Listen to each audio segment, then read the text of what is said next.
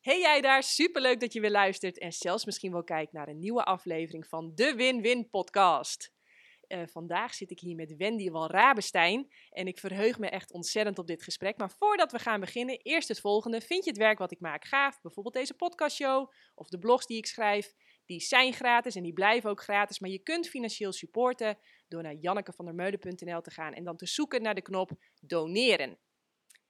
Yes, dat gezegd hebbende, welkom Wendy. Dankjewel. Je bent docent, uh, je spreekt, je hebt een boek geschreven, je bent onderzoeker, diëtist. Ja, het is.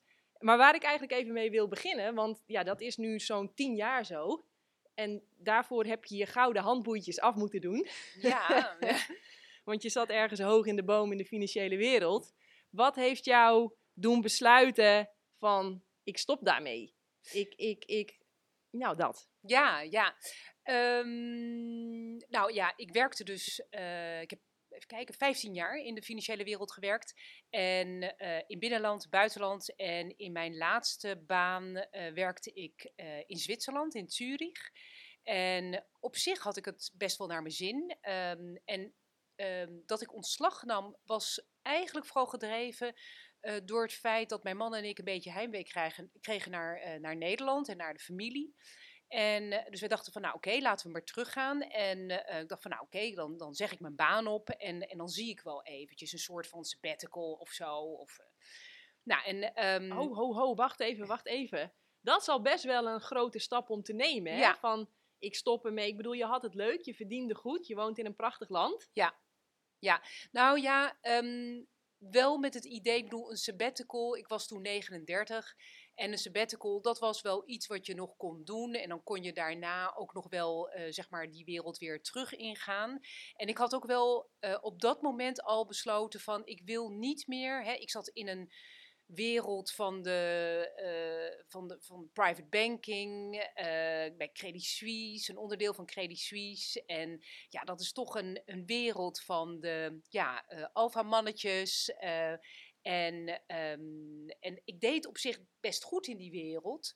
Um, maar ik had ook wel zoiets van, ja, na de crisis in 2008 had ik eigenlijk verwacht dat die wereld uh, op een bepaalde manier zou veranderen. Redelijk naïeve gedachten, gebeurde helemaal niet. Um, hè, dus die, die wereld kenmerkt zich natuurlijk door een bepaalde cultuur, waar ik niet meer echt, um, ja, waarmee, waarmee ik mij niet meer echt kon identificeren. Dus um, ik had zoiets van, ik wil op zich best wel nog wat doen in die financiële wereld, maar niet op deze manier, op een andere manier. om je een voorbeeld te geven, toen ik terugkwam in Nederland, heb ik bijvoorbeeld ook gesprekken gevoerd met de Triodos Bank, om te kijken van, hé, hey, is dat niet een leuke wereld voor mij? En... Um, maar goed, zoals gezegd, inderdaad een, een sabbatical. Ik dacht van nou, een paar maanden, we zien wel eventjes. En, uh, um, en, inderdaad die gouden handboeien afdoen. Uh, ik heb er wel altijd in gezeten uh, met het besef dat het uitzonderlijk was wat ik kreeg voor mijn werk. Um, en um, daar afstand van doen, was ze ook niet uh, iets wat ik over één nacht ijs liet gaan. Hè? Um, je hoort wel eens uh, iets van, ja, je moet gewoon je hart volgen, je passie en zo. En dat klinkt allemaal wel heel erg leuk. Maar je moet ook gewoon een Excelletje invullen met alle data erin en kijken en berekenen hoe je dan uit gaat komen iedere maand voor een langere tijd. Want inderdaad, ik wist natuurlijk niet of ik wel weer een baan zou kunnen krijgen. Dus ja, dat heb ik wel. Zo iemand ben ik dan ook wel. Ik zit dan echt uren op een Excelletje om te kijken of het allemaal wel echt kan. En dat had ik dus wel gedaan. En, um, en ik had ook, en bij, ja, uh, als ik terugkijk, denk dat dat heel verstandig was. Ik had geen plan voor die, uh, voor die sabbatical. En dat kan ik iedereen aanbevelen. Als je de, ja, de luxe hebt om dat te kunnen doen, doe het een keer. En maak vooral geen plan. Ga niet van alles verzinnen wat je dan tijdens dat sabbatical gaat doen. Um, dus ik, want, ja, want waarom, nou, het leuke, is het leuke is dat je. Um, nou, wij verhuisden dus en ik kwam dus weer in Nederland. En ja, daar zat ik dus. En uh, ik had geen verplichtingen, helemaal niets. En het grappige is dat je dan uh, ja, je gaat toch wat doen. He, na een paar maanden vakantie uh, heeft iedereen wel zoiets van: als je een beetje normaal in je vel zit, dan wil je weer iets doen. En wat ik, had, eh, wat ik ging doen, dat ehm, had alles te maken met gezond leven, met ehm, eten, met bijvoorbeeld zelf zuurdezenbrood maken, groentetuintje, uh, maar ook een cursus volgen over voeding of boeken lezen daarover. En nou ja, na drie maanden was ik er gewoon uit, van dit is mijn weg, hier moet ik iets mee. En, um, ja, en toen uh, dacht ik wel van ja, dan kan ik natuurlijk wel allemaal cursussen volgen en zo, maar ik wil dan echt een beroep kunnen uitoefenen. En dat is ook de reden waarom ik toen dacht van ik ga gewoon die klassieke opleiding tot diëtist doen. Dat is iets, ja, dan leid je jezelf op tot een, uh, een professional en dan zie ik wel wat ik daarmee ga doen. En ja, dat was, het was wel grappig. Ik belde toen uh, met, de, met de Hogeschool van Amsterdam en daar geef ik dus nu ook les. En toen kreeg ik een nu collega dus aan de telefoon en, uh, ik zat al met hem te bespreken van ja, hoe of wat. En uiteindelijk zei hij van ja, je hebt toch niks te doen. Begin nou maar. Het is augustus, begin maar gewoon in september. En kun je toch na drie maanden even kijken hoe het bevalt. En toen dacht ik van nou, dat is eigenlijk een heel goed plan. Dus dat heb ik gedaan. En ineens zat ik dus uh, als 39-jarige tussen allemaal 20, hè, ja, dus wat, wat zijn ze, tussen de 17 en de 25, allemaal student, jonge studenten. En uh, ja, dat was de beste beslissing ooit. Ja, ja. En wat maakte die beslissing zo fantastisch? Um, nou, het is heel um, gestructureerd en gericht leren wat de basis is. En um, ja, dat is een, een, een basis die echt heel erg goed is. Want dat ja, vind ik echt. Uh, je, je, hoort wel eens kritiek op opleidingen voor diëtist. Maar anderzijds uh, is er op dit moment niet echt een andere professional in Nederland die zo um, bazaal zoveel weet over voeding. en alle kritiekpunten die er zijn, hebben in mijn beleving ook vooral te maken met communicatie. Um, maar ja, ik weet gewoon uh, hoe het in elkaar zit, doordat ik die opleiding heb gedaan. En ik weet ook precies waar ik het moet zoeken als ik het niet weet. En dat vind ik heel erg fijn. En het heeft mij de ogen geopend. Uh, hè, want ik had wel een academische opleiding gedaan. Ik was econoom. Maar ik had altijd zoiets van, ja, ja onderzoek en zo. Um, daar, daar had ik niet zoveel mee. Uh, maar dat had meer met het vak te maken dan uh, met zeg maar de kwaliteiten die je moet hebben om onderzoeker te zijn. Want ik ben juist heel erg nieuwsgierig. En um, iemand die enerzijds houdt van wat groter denken, maar ik kan ook uren achter spreadsheets zitten. En dat is precies de combinatie die je nodig hebt om onderzoek te doen. Dus Um, uh, toen ik de opleiding begon, had ik dat helemaal niet in de gaten. Maar toen ik eruit kwam, dacht ik van ja, ik, ik wil hier meer mee. Dus uh, ja. Leuk, maar um, ik zeg wel, wel eens voor de grap het ondervoedingscentrum. Ja.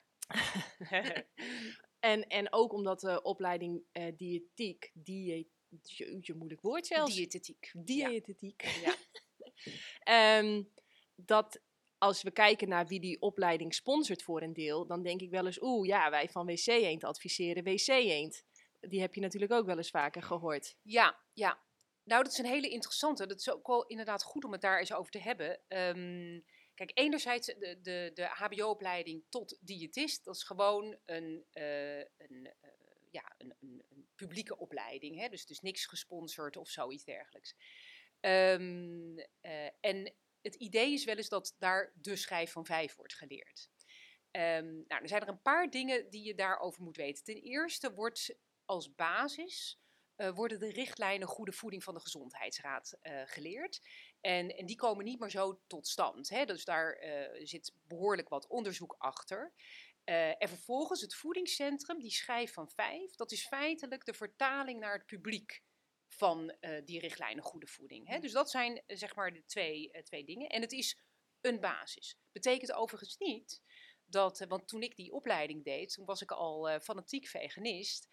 Dus ik kwam met allerlei vragen natuurlijk. En, um, en, um, en het leuke was dat ik destijds ervaarde van mijn docenten dat ze het eigenlijk best wel interessant vonden wat ik te melden had.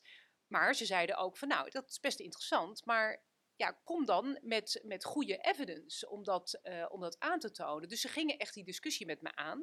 Dus ik heb dat altijd als heel positief ervaren. En het heeft mij ook ja, zeg maar geholpen om ehm, ja, eh, beter onderzoek te doen. Ehm, eh, dus dat is de ene kant. En het is een bepaalde basis ehm, waarbij je eigenlijk kunt zeggen...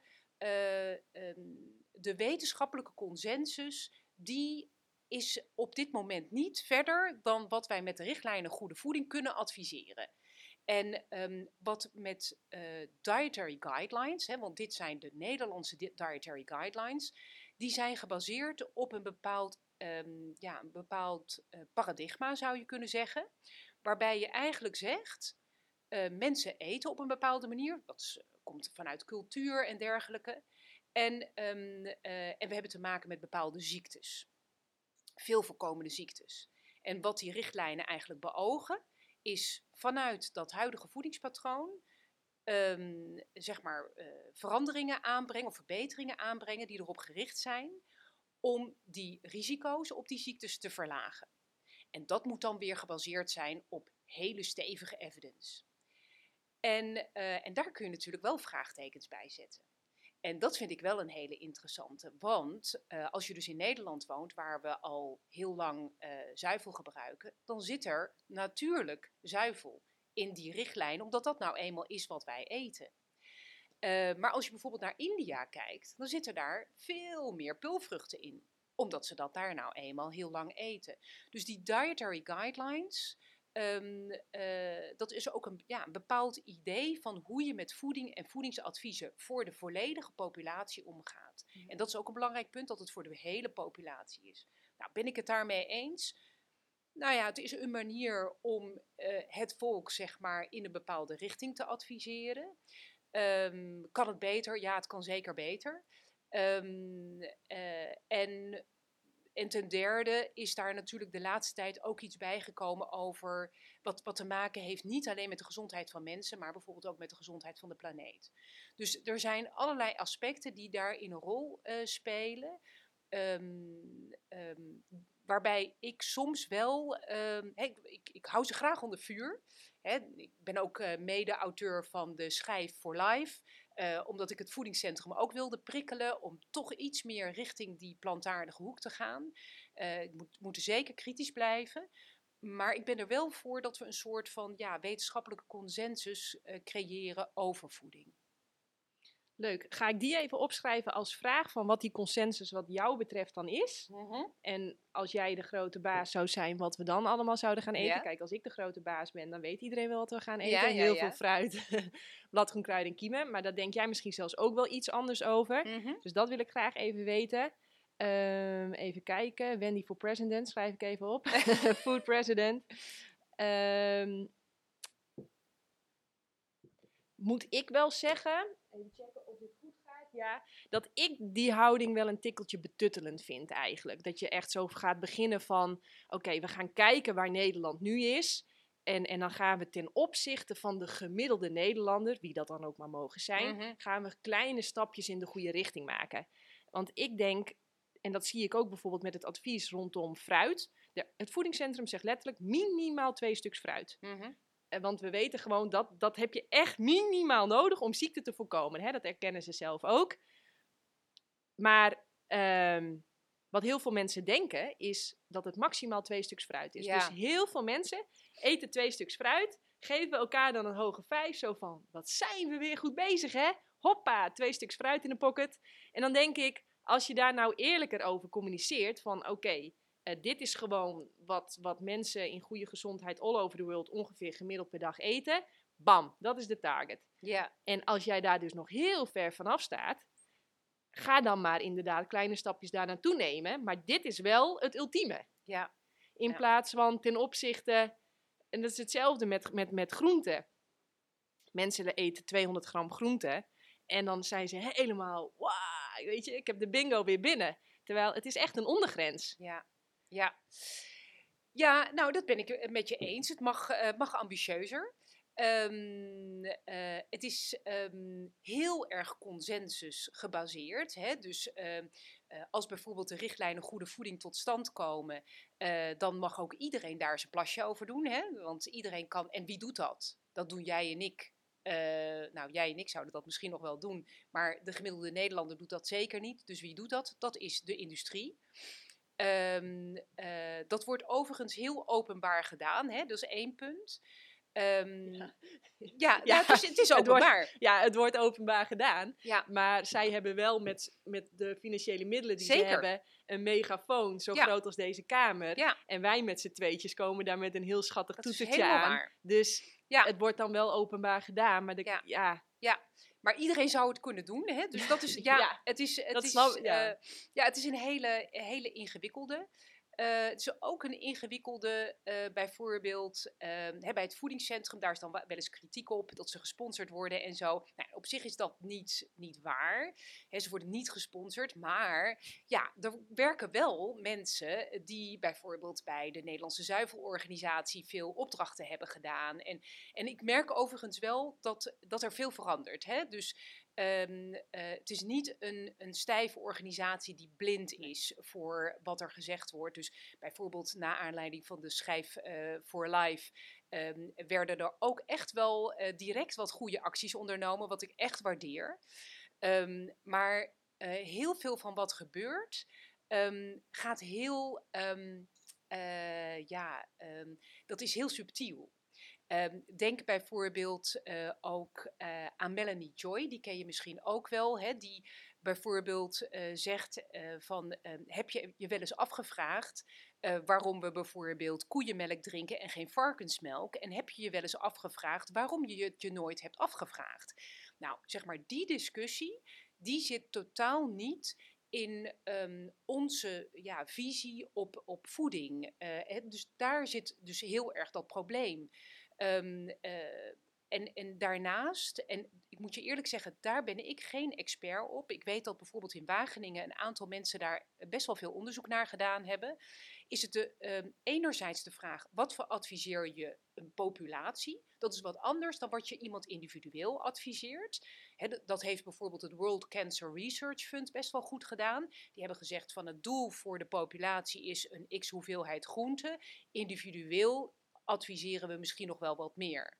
Dat klinkt misschien een beetje gek, maar ehm, als je kijkt naar de effectiviteit van adviezen, dan is het best wel goed om ook te kijken naar de onderzoeken die daarnaar gedaan zijn. Van hoe effectief is het om een populatie waar de groenteintake bijzonder laag is, om hen te adviseren om een kilo groente per dag te eten.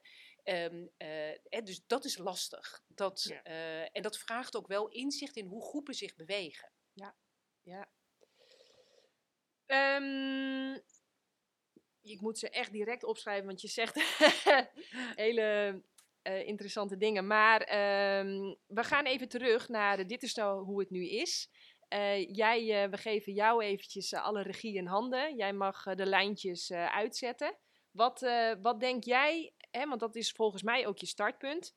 Als wij met z'n allen vrolijk en gezond oud willen worden, wat moeten we dan volgens jou iedere dag wel doen, niet doen? Heeft dat alleen met voeding te maken? Ja, eh, nou daar heb ik wel inderdaad een bepaald beeld bij. Ehm, in mijn boek eh, Food Body Mind eh, beschrijf ik dat ook, omdat het beginpunt van, van mijn werk ligt eigenlijk bij mijn man, die dus wat ouder is dan ik. En, ehm, hoeveel, hoeveel schelen jullie? Wij schelen 23 jaar, Eh, dus dat is nogal wat. En mag ik vragen hoe oud jij bent? eh, ik ben 49 nu. Oké, dus jij bent voor gemak 50, dus hij is 73. Ja, hij wordt dit jaar 73 Ja, inderdaad. Ja, en ehm, eh, nou, we zijn al meer dan 20 jaar bij elkaar. En ik, ik was natuurlijk in het begin ja, bang dat hij eerder dood zou gaan, ziek zou worden, dat soort dingen. En uiteindelijk heeft dat een enorme rol gespeeld in alles wat ik nu doe. Hè, hij is gewoon mijn, mijn, mijn soort van eh, rolmodel waarop ik alles. Hij zegt ook altijd van eh, mij, op mij wordt alles getest. en eh, ehm, ehm, eh, ja, en, en eigenlijk als je gaat kijken van wat, wat wil je nou eigenlijk bereiken, dat is dus niet per se het verlengen van de levensduur. Want dat gebeurt wel. Door onze fantastische gezondheidszorg worden we steeds ouder, maar je moet niet vragen hoe. En dat is precies wat mijn uh, doel eigenlijk is in mijn werk. Dat is die gezonde levensduur verlengen. Dus dat mensen heel lang gezond blijven. En op het laatst dus, hè, uh, ik vertel vaak over mijn oude buurman in Italië. Die liep uh, drie keer per week steile bergen op en af. En ik geloof dat hij 88 is geworden. En op zijn laatste dag viel die, heeft hij ook die bergen op en neer gelopen. En viel die dood neer vanwege een hartaanval. Je kunt je afvragen of dat niet wat langer uitgesteld had kunnen worden. Maar toch, iedereen wil zo, zo aan zijn einde komen. Hè? Dus lang alles kunnen doen en um, in één klap dood. Um, nou, en om dat te bereiken, daar heb ik natuurlijk heel veel uh, onderzoek naar gedaan. Ook mijn, mijn, werk als onderzoeker heeft daar, uh, pakt een, een, vlakje daarvan, een klein stukje daarvan. Um, maar uiteindelijk komt het erop neer dat je overwegend plantaardig moet eten, dat je veel moet bewegen en dat je je stress moet verlagen en dat je een sociale groep om je heen moet hebben. Um, kortom, dat wat we ook wel zien in de blue zones. Um, die gebieden waar gemiddeld zo'n tien keer meer 100-plussers wonen dan in het Westen. Uh, als we dat nou met z'n allen doen, dan worden we allemaal niet eens heel veel ouder, maar we, we blijven veel langer gezond. Ja. ja. Ja, want dat is het. Want als ik bijvoorbeeld naar mijn oma kijkt, die heeft de laatste tien jaar in haar pamper zitten pruttelen en met haar neus in de koffie zitten roeren. Ja, dan mag ze wel stokoud zijn geworden, maar dat is voor mij geen kwaliteit van leven. Nee. Dus dan denk ik, ja, daar gaat het niet om. Het gaat er inderdaad om, net als een andere tante van mij, dat je echt in het harnas sterft. Ja. Dat je dat, dat Ja, en dat, uh, dat heeft bijvoorbeeld bij, uh, bij Leo, bij mijn man, uh, ik, ik zei het je net al eventjes, van, van nou, hij heeft pas uh, is een uitgebreid labonderzoek laten doen, uh, wat we op zich helemaal niet zo vaak doen. Hè, zolang je niks mankeert is dat ook helemaal niet zo nodig. Um, maar ja, hij is 72 en hij moest toch even iets laten testen. En ik zei, nou weet je, we vragen gewoon de huisarts of hij even het hele zaakje doet, gezien je leeftijd en het feit dat je nooit komt.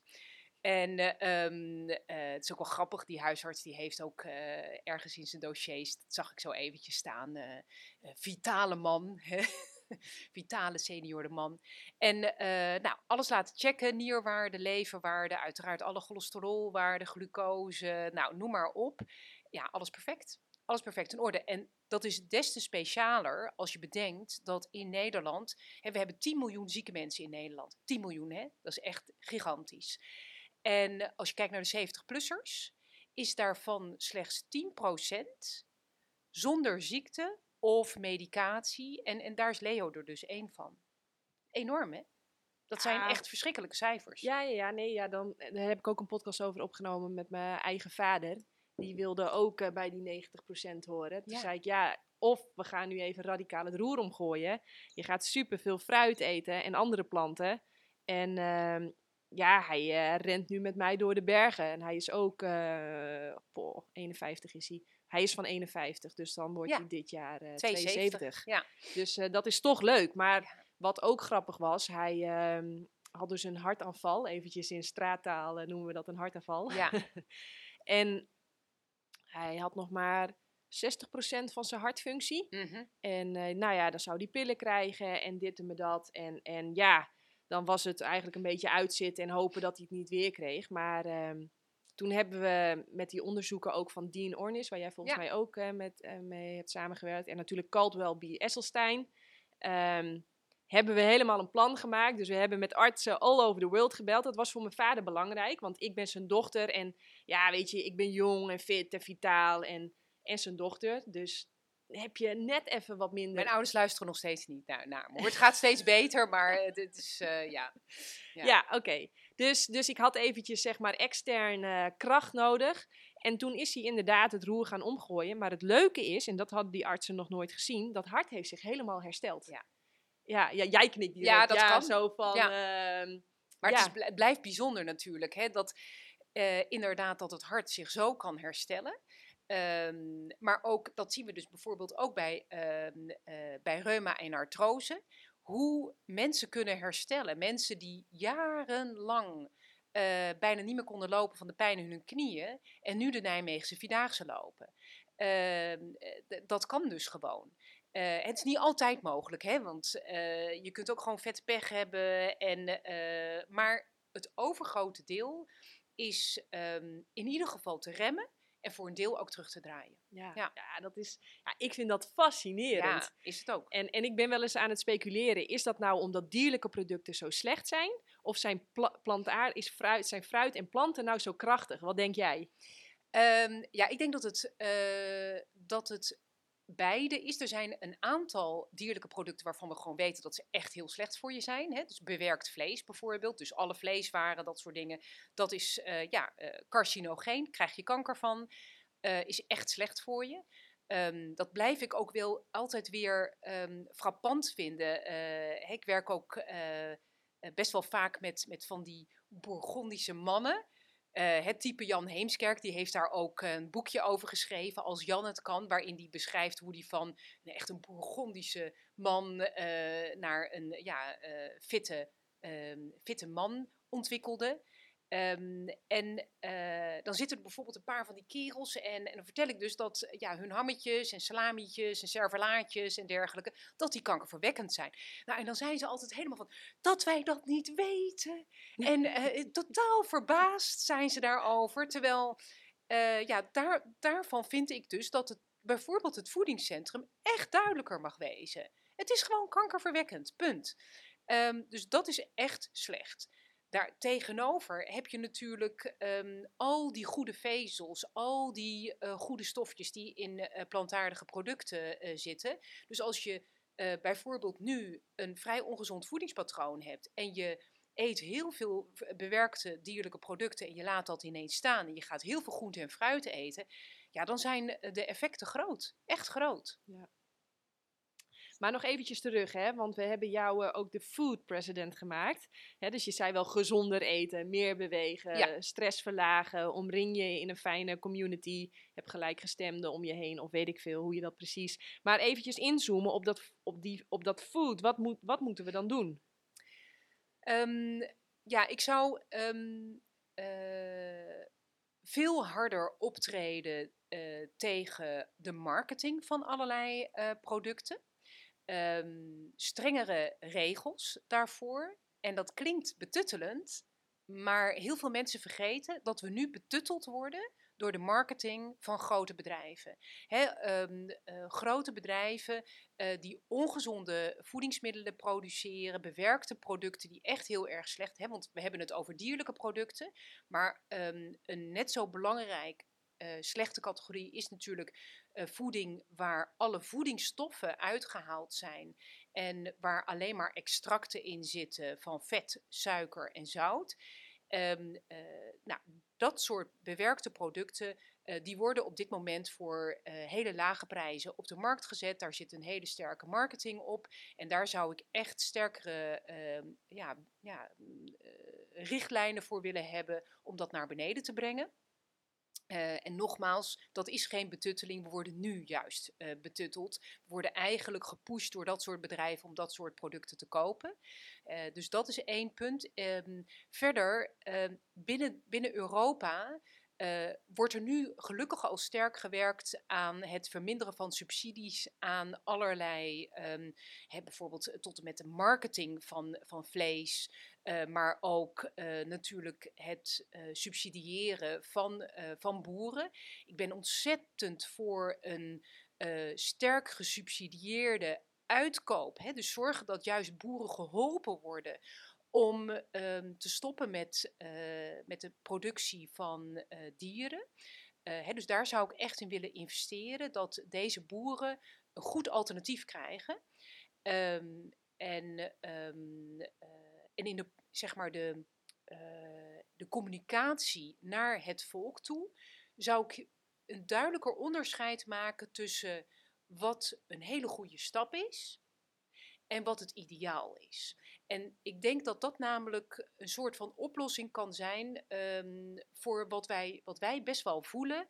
En dat is dat wat het voedingscentrum doet. Kijk, laten we eerlijk zijn, als heel Nederland de schijf van vijf zou volgen, dan zou het er al een stuk beter voor staan. Dat, daar twijfel ik niet aan. Maar een hele grote groep wil gewoon precies weten wat het allergezondste is. En die moeten we ook voeden. En daar zou ik heel erg eh ja, pleitbezorger voor zijn om die groep ook te laten zien van wat ze allemaal nog meer kunnen doen. En ik zou eh, tegenover de subsidie eh, die we eerst gaven, dus aan producten die ongezond zijn, zou ik juist de, de goedkopere producten eh, willen subsidiëren. Ik heb een tijdje geleden een heel leuk gesprekje gehad met een, uh, een jonge, ja, eigenlijk een soort van um, activiste die bezig is met food en, en, en ook met rechten. En, en die zei eigenlijk van ja, gezonde voeding zou eigenlijk een soort van. Ja, tot de rechten van de mens moeten behoren. En misschien moeten we het wel gratis gaan aanbieden. Hè? Dus je kunt daar heel ver in gaan om daarover na te denken. Maar ik vind het echt verschrikkelijk dat bijvoorbeeld mensen, en in het bijzonder kinderen, um, niet de toegang hebben tot de gezonde voeding die zij nodig hebben. Uh, dus daar zou ik uh, heel erg op willen insteken. Ja, en dan heb je, mooi. ik zit, uh, jullie zien mij niet, maar ik zit dan, yes, yes. hey, en, um, en dan heb je het al een paar keer gezegd, gezonde voeding. Maar wat is dan, jij mag dat advies schrijven. Hè, dus jij mag ja. echt, wat, wat die schijf van live, wat, wat, wat denk jij wat we veel meer moeten gaan eten, veel minder en, en waar mag de nadruk op komen te liggen? Ja, de nadruk mag um, komen te liggen natuurlijk op groente en fruit. Hè. Dat is een prachtige basis voor een gezond, gezond voedingspatroon. Verder. Um, maar, maar, dan krijg je heel vaak groente en fruit. Ja. Daar kun je toch niet op leven? Uh, nou, je komt er een heel eind mee. Je kunt uh, uh, best wel ehm, goed leven op veel fruit en veel groenten. Wil jij trouwens ook nog? Uh, ja, lekker. Uh, maar ik ben ook wel voor het gebruik van, van granen. Hè? Dus uh, gezonde, volkoren granen. denk aan ehm, rijst, haver. Ik ben ook niet tegen brood. Lekker, vooral mooi zuur deze brood. Hartstikke goed. Um, noten, zaden, granen. Veel meer pulvruchten. Dat zijn pas goede, hè, als, als mensen vragen waar leef je dan op? Nou, veel meer pulvruchten. Um, even kijken, dus dan hebben we de, de, eiwitten uit de pulvruchten en de granen natuurlijk. We hebben uh, daar ook veel koolhydraten uit. Die halen we ook uit uh, fruit, uit groenten. vetten, gezonde vetten uit um, ook weer de zaden en de pitten en de noten. Um, nou, dan ben je wel een heel eind. Daar kun je een prachtig, uh, een prachtig gezond uh, ja, uh, voedingspatroon uithalen. En dat zie je ook in die blue zones. Hè, um, um, in, die, in, in die gebieden zie je gewoon dat mensen eigenlijk ja, dit, dit tot hun gezonde voedingspatroon rekenen. En daar zit in iedere blue zone zit wel een componentje dierlijk. Um, nou, en dan blijft natuurlijk nog de vraag over, en dat, daar weten we gewoon het antwoord nog niet op. Uh, leven die mensen in de blue zones uh, langer ondanks of dankzij uh, het feit dat ze nog een beetje dierlijk eten? Nou, dat, ik denk dat dat ook niet belangrijk is. Hoe doe je, hoe doe je dat zelf? Ik, Hoe doet Leo dat met zijn goede bloedwaarde en 72? Ja, en Leo is, Leo is echt een, een, een overtuigd ethisch vegan ook. Hè? Dus hij houdt van dieren. En uh, vindt het daarom helemaal niet moeilijk uh, om uh, geen dierlijke producten te eten. Um, wij proberen zo veganistisch als mogelijk te eten, omdat wij naast voeding ook dat ethische, maar ook milieu, klimaat heel erg belangrijk vinden. Um, maar als ik naar gezondheid kijk, he, is voor mij 80, 90 procent plantaardig. Dat is prima. Hè, die laatste 10, 20 procent, uh, daar weet ik eerlijk gezegd het antwoord gewoon nog niet op. Nee, en maar ik weet wel trouwens, dat wel, ik weet dat je, uh, of je nu 80% plantaardig eet, of 100% plantaardig eet, beide varianten kunnen maximaal tot een maximaal gezond mens leiden. Ja. Ja, ja dat is interessant. Ik ga even de computer Ja, dat had ik ook nog opgeschreven, dat, uh, die 80-90% regel. Maar dat is dus eigenlijk, zeg jij, die 80-90%, uh, omdat we gewoon in jouw ogen te weinig bewijs hebben dat 100% het ultieme is. Ja, überhaupt het optimale uh, dieet. Uh, ja, ik, ik zou daar nog niet nu een uitspraak over durven doen. Wel een bepaalde range. Hè? Dus ik durf wel te zeggen, als je bijvoorbeeld. Um, uh, ik vergelijk het ook wel eens met een continuum. Je hebt aan de ene kant een totaal, waarvan iedereen weet, totaal ongezond voedingspatroon met veel bewerkte voeding, veel dierlijke voeding. En aan de andere kant een maximaal gezond voedingspatroon waar we enigszins van weten hoe dat eruit ziet. Dat is een overwegend plantaardig voedingspatroon met veel uh, vezels enzovoort. Um, en, uh, en als je dus aan die, aan die uiterste kant zit, ja, dan zit je aan de goede kant. En, en ja, dan uh, bijvoorbeeld ik denk zelf, ik, ik ken mensen die gezonder eten dan ik, maar die bewegen weer minder enzovoort. Dus daar zit ergens een, een combinatie die je op meerdere manieren kunt invullen, wat gewoon wel gezond is. En ik merk het ook aan de mensen die meedoen met onze onderzoeken. Um, eigenlijk, hè, er zitten er een paar bij die echt helemaal overtuigd uh, plantaardig zijn. Het overgrote deel doet het voor 80, 90 procent uh, en heeft daar al waanzinnig baat bij dat is mooi, hè? Want daar hebben we het eigenlijk nog helemaal niet echt over gehad. Maar je doet onderzoek naar wat voeding kan betekenen voor mensen met reumatische klachten, toch? Ja. En, en wat, wat, wat, wat, wat zie je? Ja, je hebt het net al een beetje verklapt, ja, maar... Ja, um, uh, nou, wat wij hebben gedaan is mensen met reuma, dus de klassieke reumatoïde artritis, en mensen met artrose... Um, uh, en artrose, uh, dat weten heel veel mensen niet, maar artrose is volksziekte nummer 1.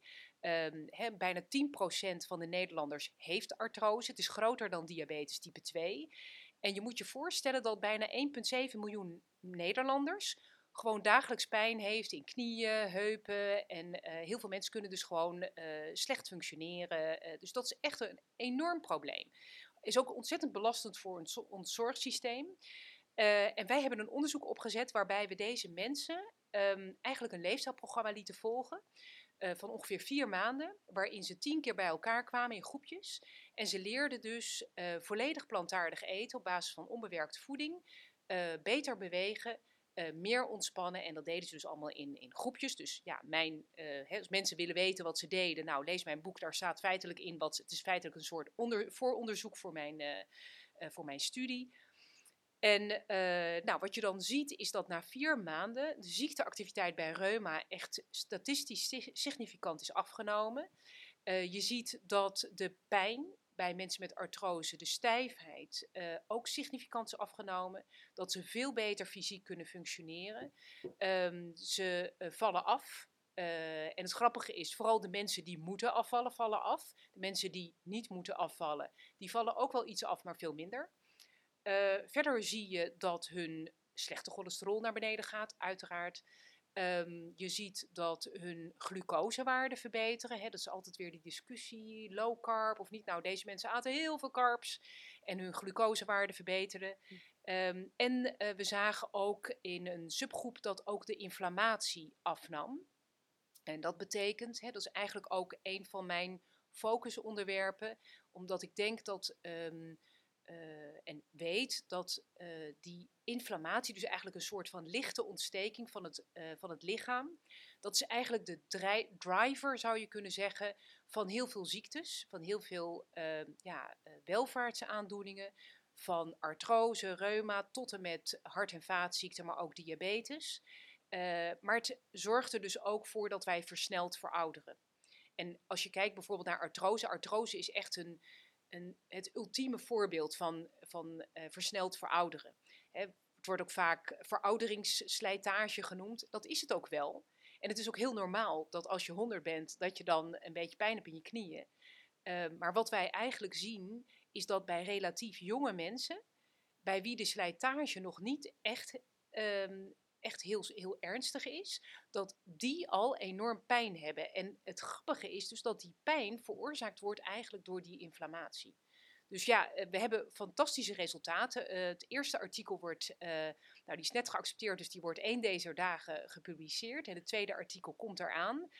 Um, uh, ja, en daar zijn we ontzettend blij mee. Ja, tuurlijk. Ja, tuurlijk. Gefeliciteerd daar ja, ook mee, want dat is echt ja, wel echt heel erg gaaf. Eén al om zo'n onderzoek op te zetten, want jij weet zelf natuurlijk wat daarbij bij komt kijken. Ja. Dat is, ik weet niet waar je ook je geld vandaan hebt gehaald, maar uh, uh, misschien leuk om iets over ja, te vertellen. Ja, maar ik heb zeker. sowieso nog als vraag opgeschreven, onderzoek doen. Wat heb je daar allemaal van geleerd? Ja.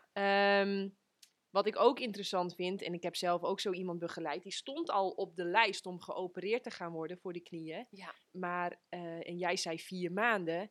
Maar het gaat veel sneller. Ja, in de acht weken al. Ja, ja klopt. Ik wou net zeggen, want Ja. wij hadden binnen, echt binnen no time resultaat. En Ja. de arts is gebeld zo van, nou haal me maar van die wachtlijst af. Ja. Want ja, ik, en, en, en de beste man, een pakje pijnstillers per dag.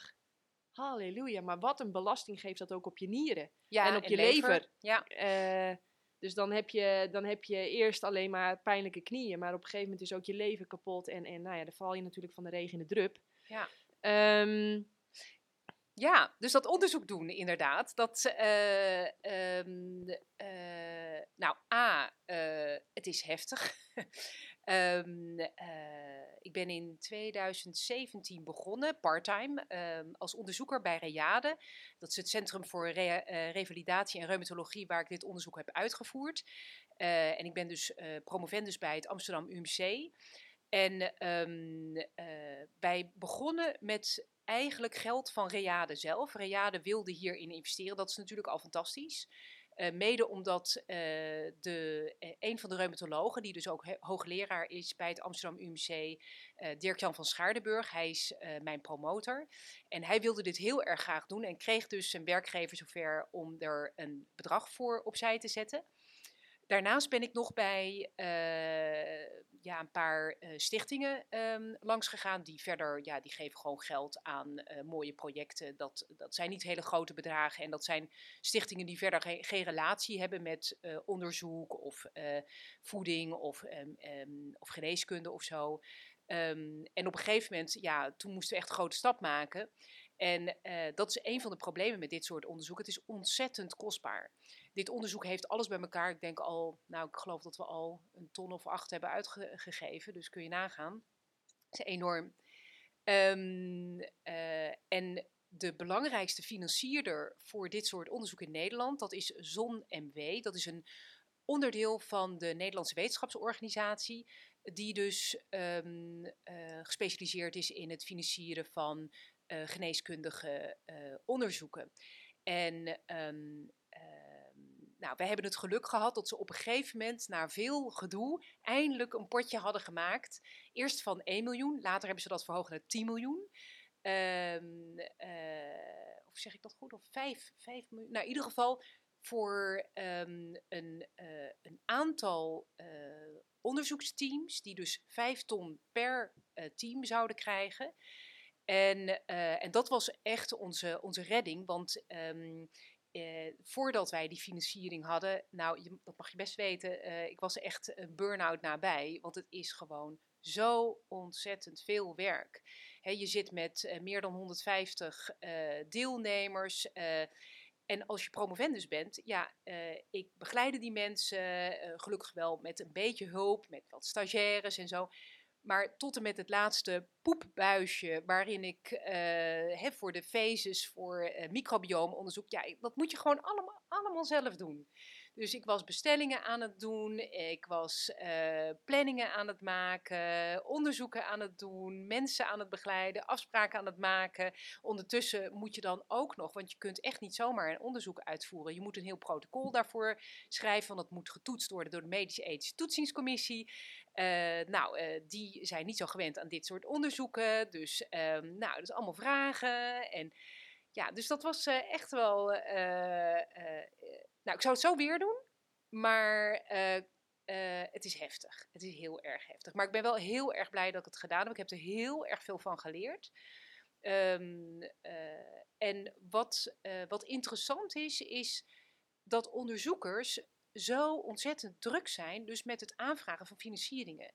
En dat daar heel veel geld ehm, of heel veel tijd eigenlijk verloren gaat. En, en dat is wel heel erg zonde. Ik heb het ook echt zonder support eh, willen doen van eh, de industrie. Want ik had natuurlijk ook financiering kunnen krijgen van bijvoorbeeld vegan producten. Hè, dus denk aan een, een, een Alpro of zo. Eh, nou, als ik die had gevraagd om geld, hadden ze het me vastgegeven. Maar ja, ik wilde gewoon geen bias. Ik wilde niet gehinderd worden door. Dus ik ben daar heel kritisch in geweest. En daar ben ik nu, ja, daar pluk ik nu de vruchten van natuurlijk. Ja, dat snap ik. En uh, maar toch heb je ook, dat noem je volgens mij de confirmation bias. Ja. Dat is eh, dat je zo, ik bedoel, ik heb dat ook, hè. Ik val daar ook aan ten prooi. Je wil, ja, je bent eh, ethisch vegan, dus je wil ook heel graag Ja. dat dat veganistische eten goed uit de bus komt. Ja. Maar heb jij bij jezelf eh, daar iets van gezien? Van dat je denkt van, ah, want er waren misschien ook mensen die geen resultaat hadden door dat plantaardige dieet. Of, Ja. Je moet natuurlijk altijd kritisch blijven. Het voordeel van onderzoek doen in een setting waarin ik het heb gedaan, is dat je gedwongen wordt om je aan allerlei regels te houden. En ehm, eh, het leuke is ook dat ehm, dit soort onderzoeken worden best wel vaak gedaan in een setting met diëtisten en dergelijke. Ik heb het bij de afdeling reumatologie gedaan. En het leuke van eh, reumatologie eh, is dat dat, ehm, eh, dat zijn onderzoekers die eigenlijk alleen maar medicatiestudies hebben gedaan. Dus ze hebben mij gewoon continu langs die lat gelegd. En ehm, toen ik voor het eerst, eh, toen ik net begon en mijn eerste presentatie hield voor ja, de onderzoekers en de hoogleraren, eh, nou, ben ik ook flink aangepakt. En, ehm, eh, maar andersom merkte ik ook dat, dat veel artsen, onderzoekers voeding iets alternatiefs vonden. En eh, dus we hebben elkaar ook heel erg veel weten te leren. Want ik merk nu gewoon dat de meeste reumatologen bij Reade bijvoorbeeld ontzettend ja, voedingsminded zijn. En ook gewoon heel erg ehm, duidelijk laten zien van ja jongens, we hebben daar onderzoek naar gedaan. En het is gewoon heel erg belangrijk dat je heel vezelrijk eet. eh, en dat je dus eh, gezonder eet. Want dat heeft gewoon impact op je reuma. Dus we hebben elkaar ontzettend veel bij weten te brengen. Ehm, maar het blijft. Ik bedoel, die confirmation bias, die blijft. Eh, ehm, ik heb gewoon de neiging om een meer plantaardig voedingspatroon, ehm, ja, altijd als ik een onderzoek lees, eh, altijd positiever te, ja, te interpreteren dan, dan een ander. Het punt alleen met voeding is dat we allemaal biased zijn. Want we hebben allemaal een voedingspatroon. Dus als jij bijvoorbeeld een, eh, iemand bent die zegt, ja, maar ik ben normaal. Ja, wat is normaal? Eh, dan ben je misschien een omnivoor. En onbewust wil jij je omnivore dieet confirmed hebben. Dus we hebben allemaal een bias. En eh, het belangrijkste is eh, dat, je, dat je daar helder over bent. En eh, dat je dus altijd aangeeft van, nou, ik ben gewoon, eh, ik ben vegan. Ehm, en, ehm, eh, maar ja, ik probeer daar wel, ja, ehm, altijd heel erg genuanceerd in te zijn. Dat is ook een van de redenen waarom ik ook altijd aangeef. Ik ben zelf vegan, maar als het over gezondheid gaat, weet ik niet zeker of je 100% vegan moet zijn om optimaal gezond te zijn. Ja. Want dat weet ik gewoon nog niet. Nee. Maar als ik jou dus hoor. eh, nee, dat, even, dat heb ik helemaal niet gehoord. Dat ga ik nu vragen. Dus jij geloof je in de wetenschap? Ehm, ja, maar de wetenschap is voor mij niet heilig. Eh, en eh, eh, ja, misschien zullen sommige mensen zeggen: jee, maar wat een, wat een genuanceerd gedoe. Nee, maar nee, nee, ik ben het helemaal mee eens. Ik, Het ik schrijf dat ook in ieder boek hoor. Ja, het punt is namelijk dat ehm, wetenschap heeft ook echt beperkingen. Eh, zeker als je naar leefstijl- en voedingsinterventies gaat kijken. Ehm, eh, voeding is zo ontzettend ingewikkeld. Daarom kun je nu het antwoord niet geven. Eh, terwijl eh, het leuke van voeding is wel dat je er persoonlijk mee kan eh, experimenteren. En ehm, NS1, daar houden we niet van in de wetenschap. En is één is geen. Ja, precies. Eh, maar eh, als bijvoorbeeld diëtist is het meer dan prima om te zeggen van nou, als jij denkt dat je overgevoelig bent voor product X, laten we dan eens op een hele gestructureerde manier dat gaan toetsen. En dan ben je dus heel erg bezig met juist die NS1. En dat maakt juist ook de hele diëtetiek heel erg leuk. Dat je daar een beetje mee. Hè, daar is de diëtiste ook bij uitstek, denk ik, een hele goede voor. Want die kan dat namelijk op een hele verantwoorde manier doen. Z- en, en ook op een gestructureerde manier. Ja. Ehm, eh, en ja, het is. We weten bijvoorbeeld, eh, ik noem maar wat met kurkuma bijvoorbeeld. eh, ja, in de Ayurveda wordt dat al duizenden jaren gebruikt als een, ja, een soort medicijn. En, ehm, en als er een negatieve studie verschijnt, dan ehm, is het eigenlijk vooral zo dat, ze, eh, dat de studie negatief is omdat we de vinger er niet op kunnen leggen. We kunnen namelijk, we werken in de wetenschap met ja, één uitkomstmaat. Dat is ook altijd heel erg lastig. Daar moest ik ook uh, mee werken. Je, je kunt dus bijvoorbeeld niet zeggen, laten we eens kijken wat dit voor de gezondheid doet. Nee, je moet één uitkomstmaat kiezen. Je moet alleen bijvoorbeeld het LDL-cholesterol kiezen als uitkomstmaat. Dat is heel erg jammer voor voeding, want voeding heeft misschien een minder grote impact op het LDL-cholesterol dan bijvoorbeeld 40 milligram statine. Maar 40 milligram statine verbetert de rest van je gezondheid niet. En dat doet die voeding wel. En daar hebben we eigenlijk gewoon nog niet een goed wetenschappelijk model voor. Ja. En is het dan niet ook een beetje zo dat, dat, dat we nu misschien wel op een punt zijn in de wetenschap dat het niets anders is dan dat we dat moeten erkennen? Dat er, dat er ja, limieten zitten aan ons denkende vermogen en limieten zitten aan onze ja, analyses. En, en ja, ik denk dat um, wat ik wel zie bijvoorbeeld in de wetenschap is dat er wat meer ruimte wordt gegeven de laatste tijd voor case studies bijvoorbeeld. Ik heb bijvoorbeeld een hele leuke um, uh, meneer uh, gesproken die... Misschien handig, sorry dat ik in de reden val, maar dat we wel even uitleggen wat een case oh, study is. Ja, uh, voor jou is het gesneden koek, voor mij ook. Ik ga daar ook uitgebreid op in in de boeken. Ja. Maar een case study is eigenlijk een leuk experiment met een, met een kleine groep mensen voor een ja. twee, drie, vier weken. Ja, of um, in dit geval ging het dan over een, uh, een, een casus van één patiënt. Dat kan ook, dat is ook een case study. En dit, in dit geval gaat het over een, uh, een uh, patiënt met een bepaalde vorm van lymfeklierkanker. En, um, en die heeft dus zelf geëxperimenteerd. Uh, maar de goede man uh, was toevallig ooit hoogleraar geweest. Uh, en had zoiets van: Nou, dit is een leuke casus. En hij experimenteerde dus met een whole food plant-based diet. Dus echt een, ja, een, een volledig plantaardig, gezond, onbewerkte voeding, voedingspatroon. En um, uh, het effect um, bekeek hij in termen van wat is het effect op de witte bloedcellen. Hè? Um, die uh, kunnen namelijk nogal uit de bocht uh, vliegen als je lymfeklierkanker hebt. En, en dan in... misschien toch even uitleggen wat witte, witte bloedcellen zijn. Ja. Want dat is eigenlijk je verdedigingslinie, je ja. leger, je, wat je afweersysteem... Ja, maar je kunt er dus ook te veel van krijgen. En dan heb je dus lymfeklier, zou je dus lymf, lymfeklierkanker kunnen hebben. En in zijn geval was dat dus zo. En het mooie was dat hij hij, ging eerst vegetarisch eten. En toen zag je het al heel netjes afnemen naar een beter niveau. En toen ging hij plantaardig eten. En toen kwam het binnen een, ja, zeg maar een, een range waarin je kunt zeggen van nou, daar kun je best wel oud mee worden eigenlijk.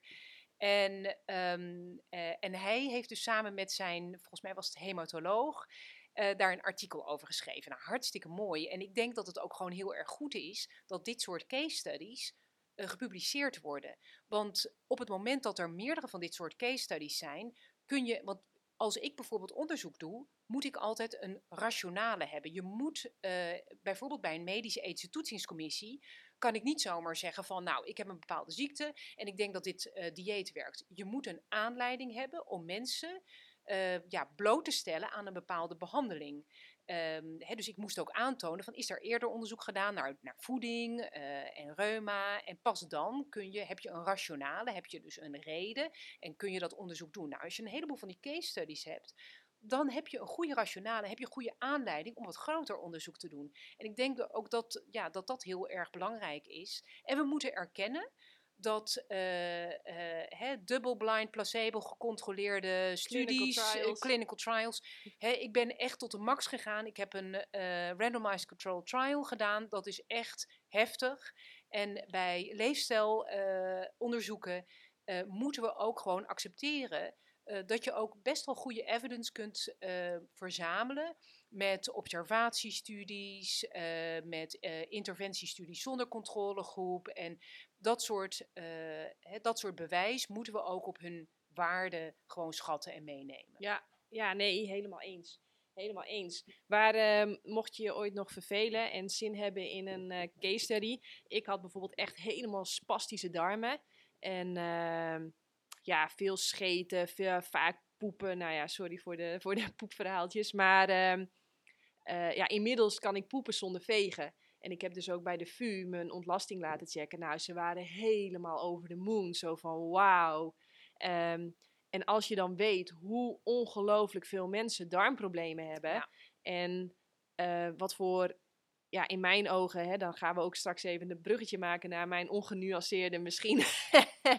maar als ik dan zie wat voor troeps geadviseerd krijgen. En dat ze weg worden gehouden bij de dingen waarvan ik denk dat het juist echt super goed is voor je darmen. Denk aan de banaan, denk aan de dadel. Ehm, ja, dan ehm, nou ja, hou ik me aanbevolen. Ja, ja, ja, ja. Nee, dat is. Ja, maar überhaupt, uh, dat is het grappige. Als je een microbiomonderzoek uh, leest, uh, daar is het eigenlijk geen vraag meer. Vanuit microbioomperspectief. Ja, microbioom moeten we denk ik toch even weer gaan toelichten. De beestjes in je darm, hè? Nou, dus, en hoe meet je of je een, hè, dus een, bijvoorbeeld een gezond microbioom bestaat uit allemaal goede beestjes, of veel goede beestjes, en die produceren dus ontstekingsremmende stofjes. Dat is een van de redenen waarom het zo fijn is om een goed microbioom te hebben. Nou, en, heb je, en die goede beestjes die leven dus vooral op vezels.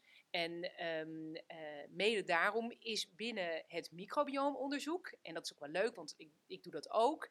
Um, in het microbioomonderzoek is eigenlijk al wel geaccepteerd dat uh, veganisten eigenlijk de beste poep hebben. De beste microbiomen hebben. Dus op dat vlak ja, zijn we het wel redelijk eens dat, dat een plantaardig voedingspatroon ja, heel goed is voor je darmen. Ja, maar oké, maar, ja, maar dat is wel belangrijk om te weten, want gezonde darmen zijn ongeveer het startpunt van alles. Gezonde darmen laten je vrolijker voelen. Gezonde darmen zorgen voor een berensterk immuunsysteem. Weet je? Want als iedereen weer loopt te sniffen en te hoesten, uh, word jij overgeslagen. Um, gezonde darmen. Uh, heb je ontsteking, ja of nee? Ja, zeker. Uh, Worden in verband gebracht met ook, hebben bijvoorbeeld mensen met reuma, hebben echt een, ja, een, een heel specifiek darmmicrobioom. Je, zou bijna, hè, je hebt bijvoorbeeld heel veel uh, Prevotella copri, dat is een, een bacterie. Uh, um, veel meer dan, dan de rest van de populatie. Uh, dus ja, heeft veel invloed. Leuk. Ik ga eventjes ehm, naar mijn lijstje. Ehm, oh ja, dat is eventjes, dat gaan we even over filosoferen. ik denk dat mensen die mij niet goed kennen, die mijn boeken bijvoorbeeld niet hebben gelezen of niet lekker, ja, nou dat, um, dat ik soms over kan komen als ongenuanceerd, zwart-wit, rigide, bla bla bla, radicaal, misschien ook wel extreem. Mm. Uh, en dat jij denk ik wel echt de boek staat als genuanceerd. Uh, als stel je voor, uh, je zou mij mogen herschrijven of verbeteren. Of zeggen van, nou Janneke, wat je daar zegt. Heb je dingen die je dan in je opkomen waarvan je denkt van, nou, dat zou ik even anders ja. zeggen, anders adviseren, nou, anders... Nou, als ik je heel eerlijk moet zeggen, hè? Nee, ik zou dat eigenlijk niet willen. Want ik denk dat er... Um, uh, ik denk dat er heel erg behoefte is... Um, enerzijds aan meer nuance... Um, uh, maar anderzijds ook uh, juist dat geluid van. In, uh, ik, en ik zou het niet ongenuanceerd willen noemen, maar ik zou het iets activistischer willen, uh, willen noemen. Hè? Dus ik identificeer jou toch wel met een iets meer activistische stijl van, van werken. Um, wat ik juist heel erg waardeer. Um, en ook nodig is om bepaalde dingen, zeg maar, ja, uh, aan te zetten. Um, uh, uh, als je alleen maar naar dat genuanceerde geklets van onderzoekers en mensen zoals ik moet luisteren. Um, wij doen vaak ook onderzoek omdat ooit, en dat vind ik al, het leuke voorbeeld vind ik altijd Wim Hof. Wim Hof, dat was ook een bijzondere, uh, is een bijzonder iemand die ook ja, wat activistisch en misschien wel een beetje radicaal. En, uh, maar het is dankzij hem dat er nu goede onderzoeken worden gedaan naar het effect van ademhaling, het effect van kou op het lichaam. Uh, zelfs de Hartstichting heeft nu um, onderzoek gefinancierd naar het effect van kou op het lichaam. Dat is dankzij Wim Hof. Dus we hebben dat soort mensen nodig. Mensen die iets, iets radicaler zijn, iets activistischer zijn, die het ook laten zien. Hè, dus die een stap verder gaan. Hey, ik vind jou ook altijd een uh, inspirerend voorbeeld van iemand die gewoon laat zien wat je nog meer kan doen. Hè? Ik ben degene die laat zien van ja, je kunt nog steeds lekker leven, hè? een beetje bourgondisch leven en dan ben je heel gezond. En, en, jij laat zien wat je nog meer kunt doen. En dat geluid hebben we ook gewoon uh, heel erg nodig. Nou ja, ik heb ook inspiratie nodig. Ja, ja. nou ja, en ik denk, uh, wat er ook bij komt kijken, is dat uh, dan ga ik even ongenuanceerd zijn, maar al dat gelul over details doet er eigenlijk niet toe als de basis niet staat. Ja. Dus ga nou eerst maar eens, dat zeg ik ook heel vaak, ga nou eerst maar eens al die nou nee, ik ga niet eens beginnen over dingen schrappen. Ga nou eerst maar eens heel veel gezonde dingen toevoegen. Ja. neem bijvoorbeeld heel 2023 iedere dag een groene smoothie. Ja. En als dat dan vlak voor het slapen gaan nog moet, want je hebt hem nog niet gehad. Terwijl iedereen zegt dat het niet goed is om voor je gezondheid, om voor het slapen gaan nog iets te gaan eten. Boeien, doe het gewoon. Weet je wel? Iedere dag consequent. En ga dan kijken wat het met je doet. En als we dan met z'n allen richting de Olympische Spelen gaan, nou, dan gaan we nog wel genuanceerd kijken van waar zit nog winst in dit en dat. Maar zet eerst die basis maar eens goed neer. Ja, ja dat doet mij ook denken aan, uh, aan, aan sommige mensen die zich echt kunnen verliezen uh, in inderdaad details die gewoon uh, hebben bijvoorbeeld. Uh, ik had een keer een, een, een, mevrouw die, die zei van ja, maar welke tahin moet ik dan hebben? Moet ik dan de bruine tahin hebben of de witte tahin? Welke is nou gezonder? Ja, maakt niet uit. Eet eerst maar eens meer groente en fruit. En welke tahin je dan precies op je boterham smeert, dat maakt mij echt niet uit. dus in die zin ben ik het heel erg met je eens. Uh, en het is wel echt, um, uh, ik ben nu in de laatste fase tot mijn promotie. En ik vind onderzoek doen fantastisch. Maar inderdaad, soms word je echt gek van dat geneuzel op de vierkante millimeter. en denk je echt van, jongens, dit moeten we gewoon doen. Dit is, ik bedoel, hoeveel meer bewijs wil je nou nog hebben? Um, en, um, en zo zit ik, in, dus in die zin ben ik ook niet de ideale mierenneukerige onderzoeker. Op een gegeven moment heb je gewoon iets staan en moet het ook verkondigd worden. Dat is ook de reden waarom ik heel graag in podcast kom. ik wil gewoon mensen, en eh, bijvoorbeeld waar ik ook heel erg blij mee ben, dat, eh, dat ik een soort van de diëtist van de libellen mag zijn. dat de libellen ook mijn platform geeft om uh, mensen, mijn promotor zegt ook altijd, je bent gewoon een teacher. dus ja, dat doe ik graag. Ik wil gewoon die boodschap blijven vertellen het is, het is niet moeilijk, en ik ben het helemaal met je eens, het is niet moeilijk om een stap te maken. Uh, en helemaal als het een positieve stap is, eet vanaf nu iedere dag één extra stuk fruit. Uh, eet iedere dag vanaf nu bij je lunch een paar stukjes groente, uh, worteltjes, maakt niet uit. Maar doe iets. En ieder stapje telt. Echt. Ja, leuk. Leuk. Ja, heel leuk. Ik vind het eigenlijk wel een mooi einde. Ja, hè? Doe iets. Doe iets. ja, ja. Prachtig uh, einde. Ja. Kom in beweging en uh, we gaan hem afronden, ja. We gaan hem afronden. Ik ga nog wel vragen, want je boek is helemaal nieuw. Uh, het ziet er, ja, jammer dat ik ga het toch even pakken en even laten zien. Nou, dat is lief van je. Ja, het is de, um, de derde druk ondertussen alweer. En helemaal updated. Um, en ja, feitelijk dus het uh, vooronderzoek van mijn studie gaat dus niet specifiek over reuma en artrose, maar eigenlijk meer over inflammatie en over lang, gezond en fit blijven. Ja, Als je net als Leo wil, uh, hè, op je 70 plus uh, nog steeds vrij van ziekte. Ja, super. of als Simon. Precies, is, ja. Mooi. Waar, waar kan ik dat boek kopen dan? Overal. Oh, ja. Super, dus gewoon Food, Body, Mind, Wendy Walrabenstein en ja. dan vinden ze het wel. Ja. Super. Oké, gaan we hem afsluiten. Dankjewel Wendy. Uh, jij ook heel erg bedankt voor het luisteren en zelfs misschien wel kijken. Vind je dit gaaf? Deel het dan volop op je social media. Uh, abonneer je ook en, en deel het, want you never know. Er is mensen met reuma, mensen met artritis, uh, mensen met slechte darmen. Ze zitten echt overal. En het kan zomaar zijn dat net zo'n persoon echt denkt van de wanhoop nabij is en dan zoiets heeft van, uh, weet je wat, laat ik ook maar eens een, iets meer plantaardig gaan eten. Wat echt iemands leven ja, ten positieve ontzettend kan veranderen. Dus deel het volop. Je weet nooit hoe een koe een haas vangt. Uh, vind je het gaaf? Uh, dan mag je ook financieel supporten door naar jannekevandermeulen.nl te gaan en dan te zoeken naar de knop doneren. En dan wil ik heel graag zeggen tot de volgende keer. Doei! Wil jij ook op een supergezonde, verantwoorde manier meer plantaardig eten? Lees dan het nieuwste boek De Eiwitleugen. Mijn naam is Janneke van der Meulen. In 2019 werd ik voor het eerst wereldkampioen kustroeien en in 2021 werd ik moeder. Allemaal op een dieet van voornamelijk fruit en planten.